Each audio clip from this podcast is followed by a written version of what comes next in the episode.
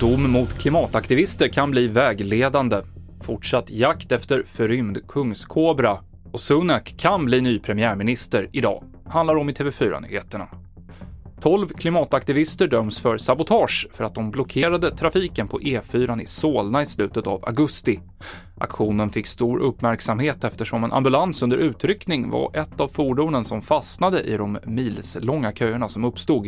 Rättsexperten Johanna Björkman säger att det här är en ovanlig dom.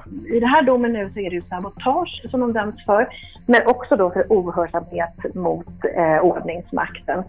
Eh, och det gör ju att det är en, en eh, dom som jag anar kommer att vägleda övriga domar.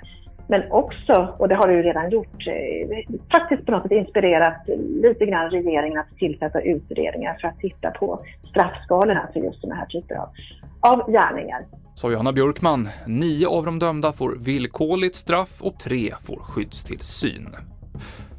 Efter ett år med mycket politisk turbulens så kan Storbritannien idag få en ny premiärminister. Den tidigare finansministern Rishi Sunak är favorit till att ta över. Klockan tre får vi veta om Penny Mordaunt har samlat tillräckligt mycket stöd bland det konservativa partiets parlamentsledamöter för att det ska bli en omröstning mellan henne och Sunak. Annars så står det klart att Rishi Sunak blir den tredje brittiske premiärministern på sju veckor. Och den 2,5 meter långa kungskobran Houdini som rymde från terrariet på Skansen-akvariet i helgen är fortfarande inte infångad. Ormexperter har kallats in och byggnaden har sökts av med kamera, hittills utan resultat.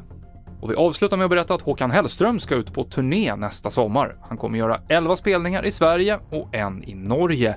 Och det blir första gången sedan 2017 som Håkan Hellström turnerar. TV4-nyheterna i studion idag, Mikael Klintevall.